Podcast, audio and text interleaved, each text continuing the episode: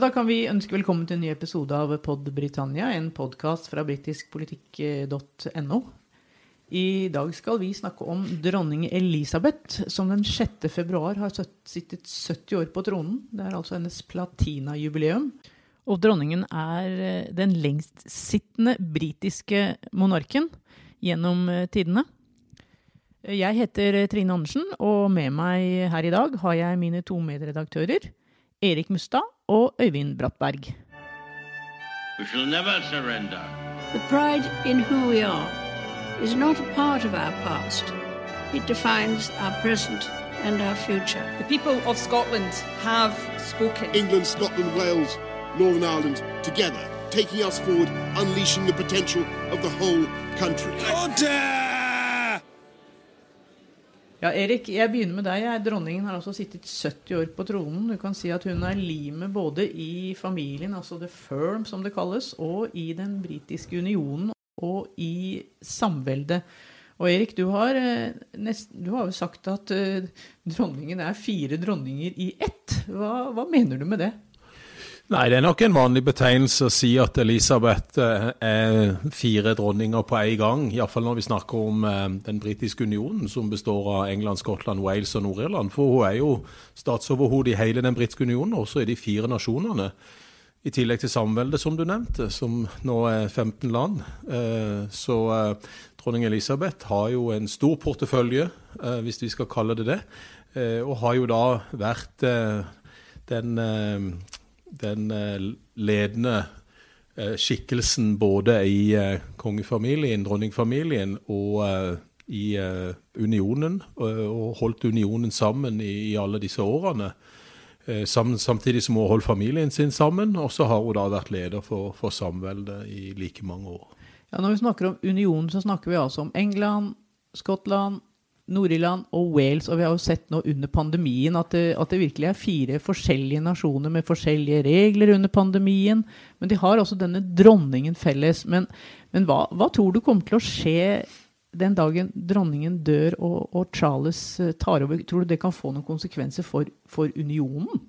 Det er mye skriverier om, eh, om, hvordan eh, unionen vil se ut om 50 år, om 30 år, om 20 år. Dronning Elisabeth er nå en, en eldre dame.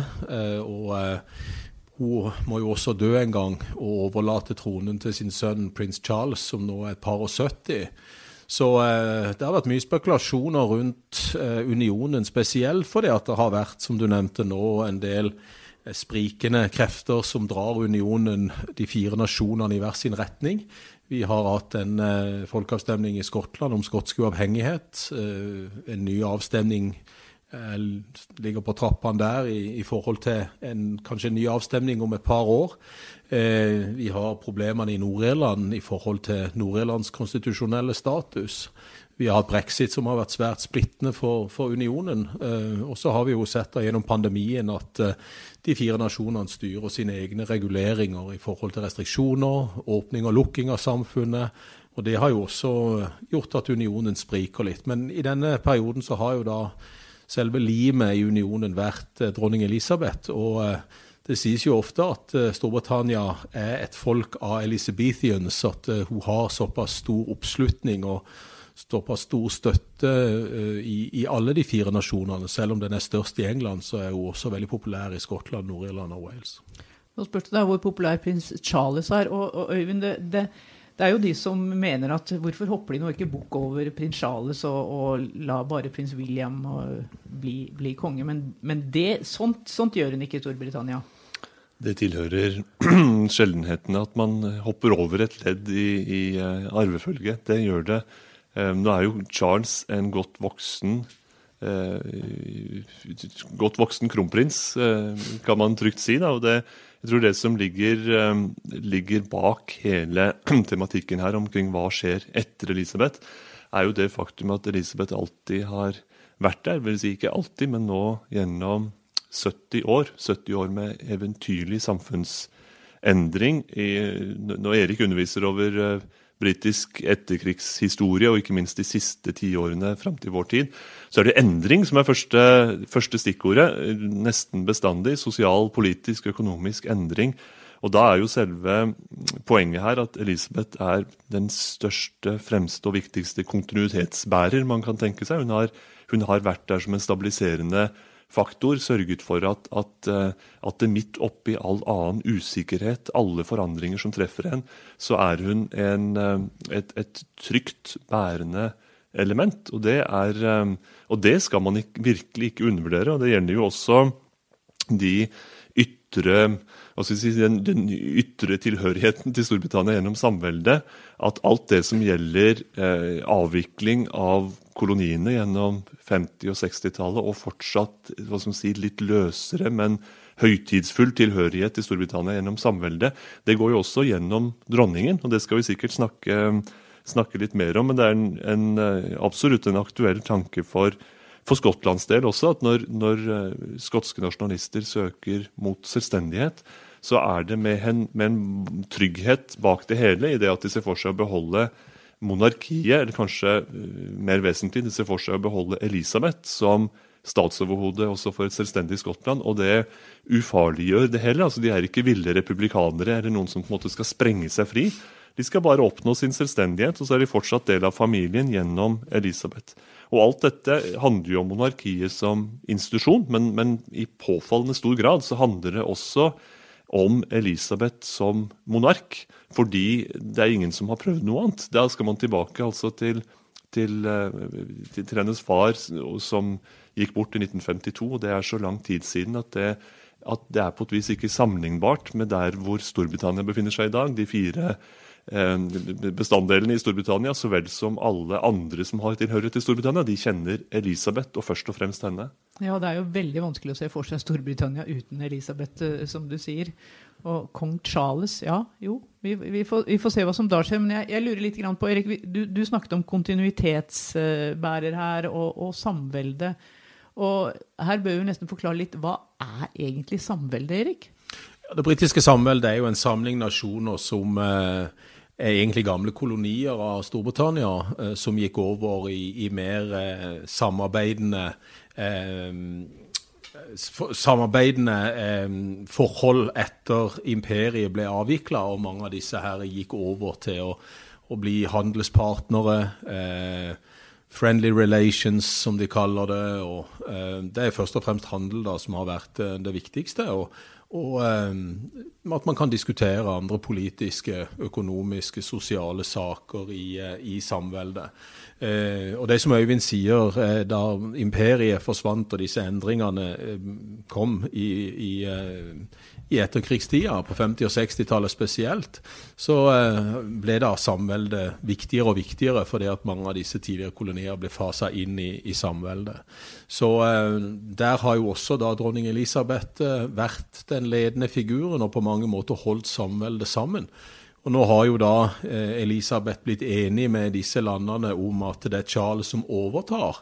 Eh, og så er jo ikke det noe som er hogd i stein heller, fordi at det har vært krefter i, i samveldet som ønsker eh, mer modernisering av samveldets lederform, og at eh, samveldet har rullerende ledere fra de forskjellige nasjonene, og at ikke det er den britiske det britiske statsoverhodet som, som, er leder. Og Så vet vi også at Australia, Canada og New Zealand har sagt at den dagen Elisabeth dør, så vil de kanskje gå ut eh, både av samveldet og eh, avvikle eh, den britiske monarken som statsoverhode i disse landene. Men Da kan du jo lure på hva som blir igjen av samveldet når så store nasjoner går ut? Ja, så det er jo da spørsmålet om eh, samveldet har noe fremtid etter Elisabeths død.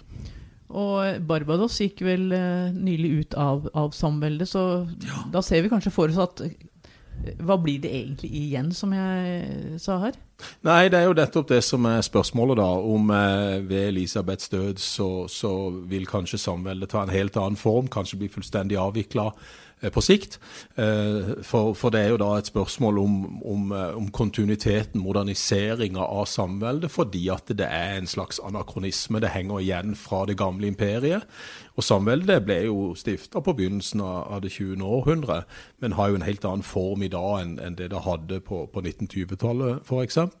Eh, og eh, mange i samveldet har jo skreket etter modernisering i alle disse årene. Så kanskje det skjer etter Elisabeths død. Ja, vi får, får se. Det er jo en veldig veldig konkret Veldig, hva skal man si Det er en, en symboltung måte å holde sammen på. Det å, å beholde, beholde dronningen. ikke sant? Det er jo, det er jo slik at når, når dronning Elisabeth reiser ut i verden, så er det jo som en, en global skikkelse, også i kraft av å faktisk være regjerende statsoverhode i et godt knippe av de landene hun besøker. Altså Når hun reiser til samveldet, så er det til sin egen familie.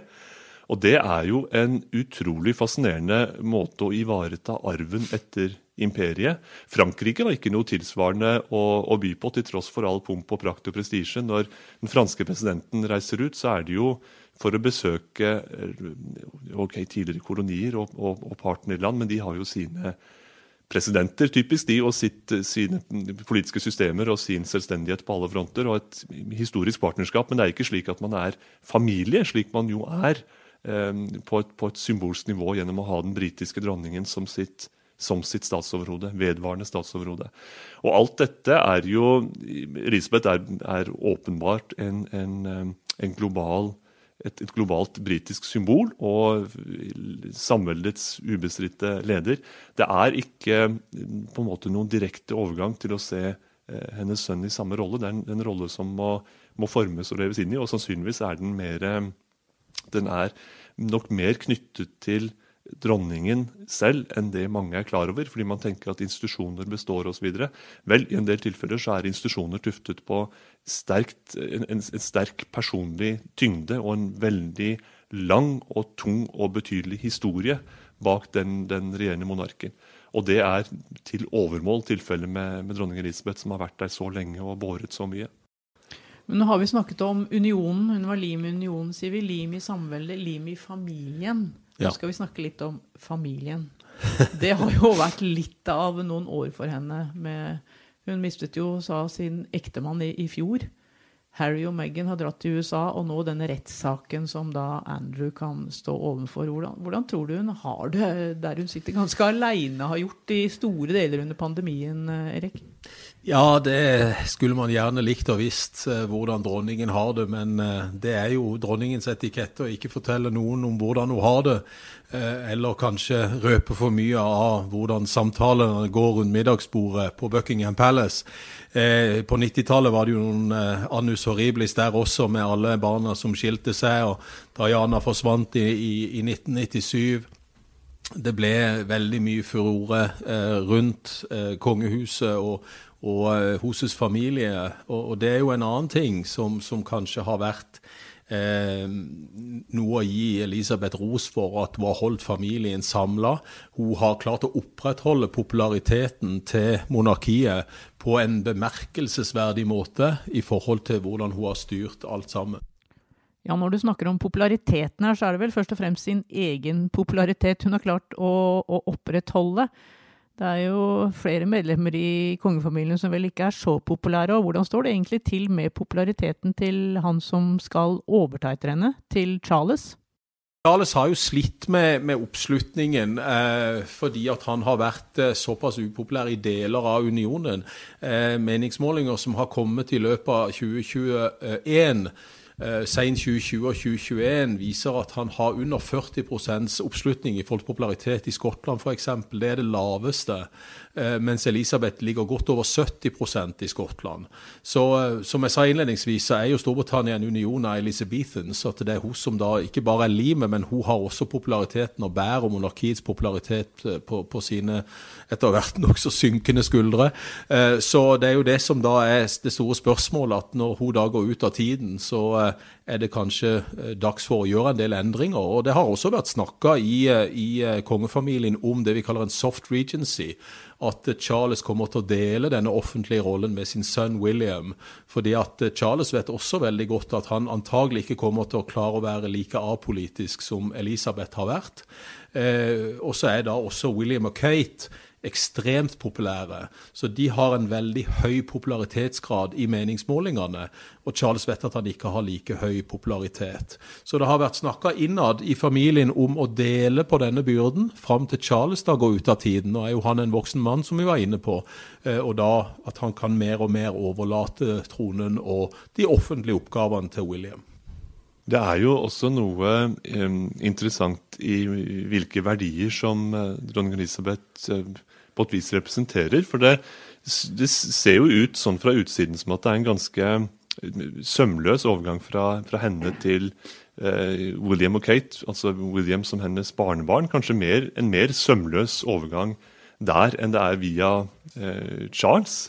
Og det handler vel kanskje om at, at eh, dronningen har en, en, tilnærming som klaffer eh, forbløffende bra med det, både det unge og det flerkulturelle Storbritannia. Det syns jeg er noe, kanskje noe av det mest interessante. Men lett for å tenke på monarkiet som en stokk konservativ institusjon. og Her har vi en, en, en, en, dronning på over 90 år som man kunne tro lever i en fjern fortid osv. Men hun har jo et, et, um, et litt sånn eh, nytestamentlig, omsorgsfullt eh, syn på liten og stor i samfunnet, og har også vært veldig vendt mot det flerkulturelle nettopp gjennom samveldet fra, fra, første stund. Og du ser det på måten hun opptrer på, at hun så åpenbart er en, en dronning for alle, også for Storbritannia i endring, og kanskje har en mer åpen flate mot hele det britiske samfunnet enn det man skulle tro da, fra en så gammel dronning, og en som, har, en som på et vis eh, er, er, er, født og oppfostret i en uhyre fjern fortid etter hvert. Likevel så er hun veldig samtidig, veldig her og nå, eh, og, og, virker å representere mye av det samme egentlig som det William og Kate har blitt så, så populære for. Um, og Det er en interessant tanke. Og Det er også et argument for at, at William og Kate kommer til å få en, en veldig sentral rolle fra, en, fra tidlig tidspunkt, når dronningen går bort. Mm. Og skal vi snakke litt om hvordan denne, den, dette platinajubileum skal markeres i, i Storbritannia? Altså 6.2 er dagen, men da, da, skjer det jo ikke så mye. Det er altså i juni som uh, den første helga i juni kommer det til å bli markert stort i, i London. Og britene får vel et par ekstra fridager også i forbindelse med, med dette jubileet? Ja, vi får håpe hun lever så lenge som til juni. Eh, her skal man aldri si aldri. Eh, jo da, det er jo først og fremst til sommeren, og det har de jo gjort tidligere også, at de ønsker å legge feiringen til, til somrene hvor det er litt bedre vær enn, enn i februar. Eh, og to ekstra fridager. Det skal være festivaler, det skal være utendørskafeer, det skal være utendørsarrangementer. Og i beste britisk stil så vet, jo, vet, vi jo at de drar ut historien sin med blir pump og prakt. Pump og prakt og opptog her og der, og flotte drakter og vogner og alt dette som de er så kjent for. Og dette er jo britene veldig gode til å regissere. Og nå har det jo blitt en del jubileer opp igjennom knytta til, til, Elisabeth. Uh, og, uh, så det blir helt sikkert et storslått arrangement i juni. Vi får jo håpe at sola skinner og ikke det pøsregner, som det dessverre ofte gjør i, i Storbritannia. Ja da, vi får satse på at juni er den måneden som sola skinner både på monarkiet, Elisabeth og kanskje en Dog Charles. Ja, Vi får bare krysse fingrene for, fint, for at det blir fint vær eh, når dronningen skal feires i, i juni. Og før vår utmerkede jingle slår inn for fullt her, vil jeg bare minne om at alle tidligere episoder av Podbritannia ligger inne både på Spotify og iTunes, så det er bare å gå inn og klikke seg fram der. Vi har jo gitt ut, eller kommet med, over 100 episoder av Podbritannia nå. Og det er også mulig å finne dem ved å følge linken som eh, ligger ganske høyt oppe på nettstedet vårt, britiskpolitikk.no. We shall never surrender. The pride in who we are is not a part of our past. It defines our present and our future. The people of Scotland have spoken. England, Scotland, Wales, Northern Ireland, together, taking us forward, unleashing the potential of the whole country. Order!